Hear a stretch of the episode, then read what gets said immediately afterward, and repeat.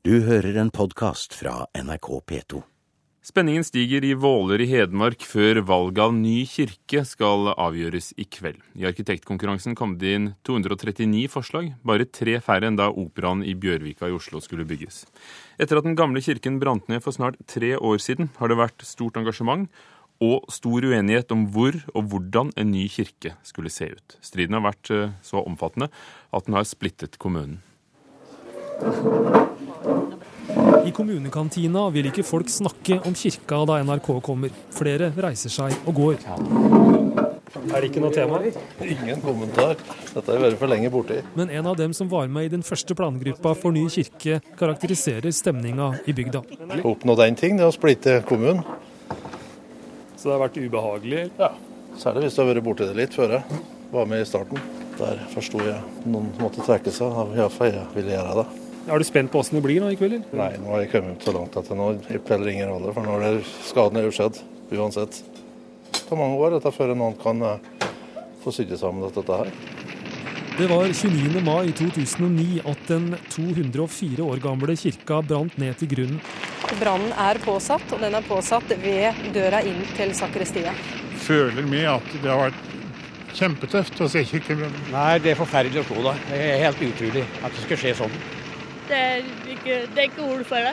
Ennå er ingen tatt for å ha tent på Vålerkirka. Jeg syns ikke det var så mye kjerker til de som, eh, de som jeg så der. Jeg syns det var mye, mye rart.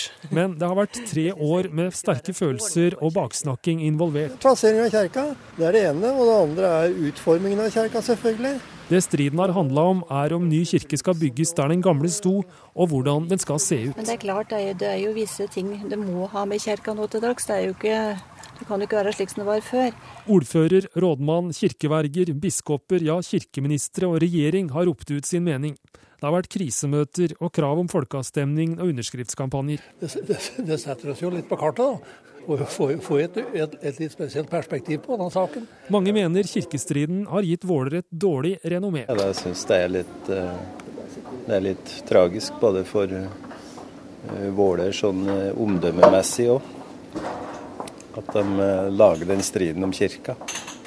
Ei splitta bygd på nesten 4000 innbyggere. Ja, jeg syns det blir mye bråk av det. Dess lenger de bråker, dess lengre tid tar det. Da det ble lyst ut arkitektkonkurranse, var interessen like stor som da man skulle bygge operaen i Bjørvika. Nesten 240 forslag kom inn. Det er supert, det. Det er et lita bygd som Våler, så er det kjempebra.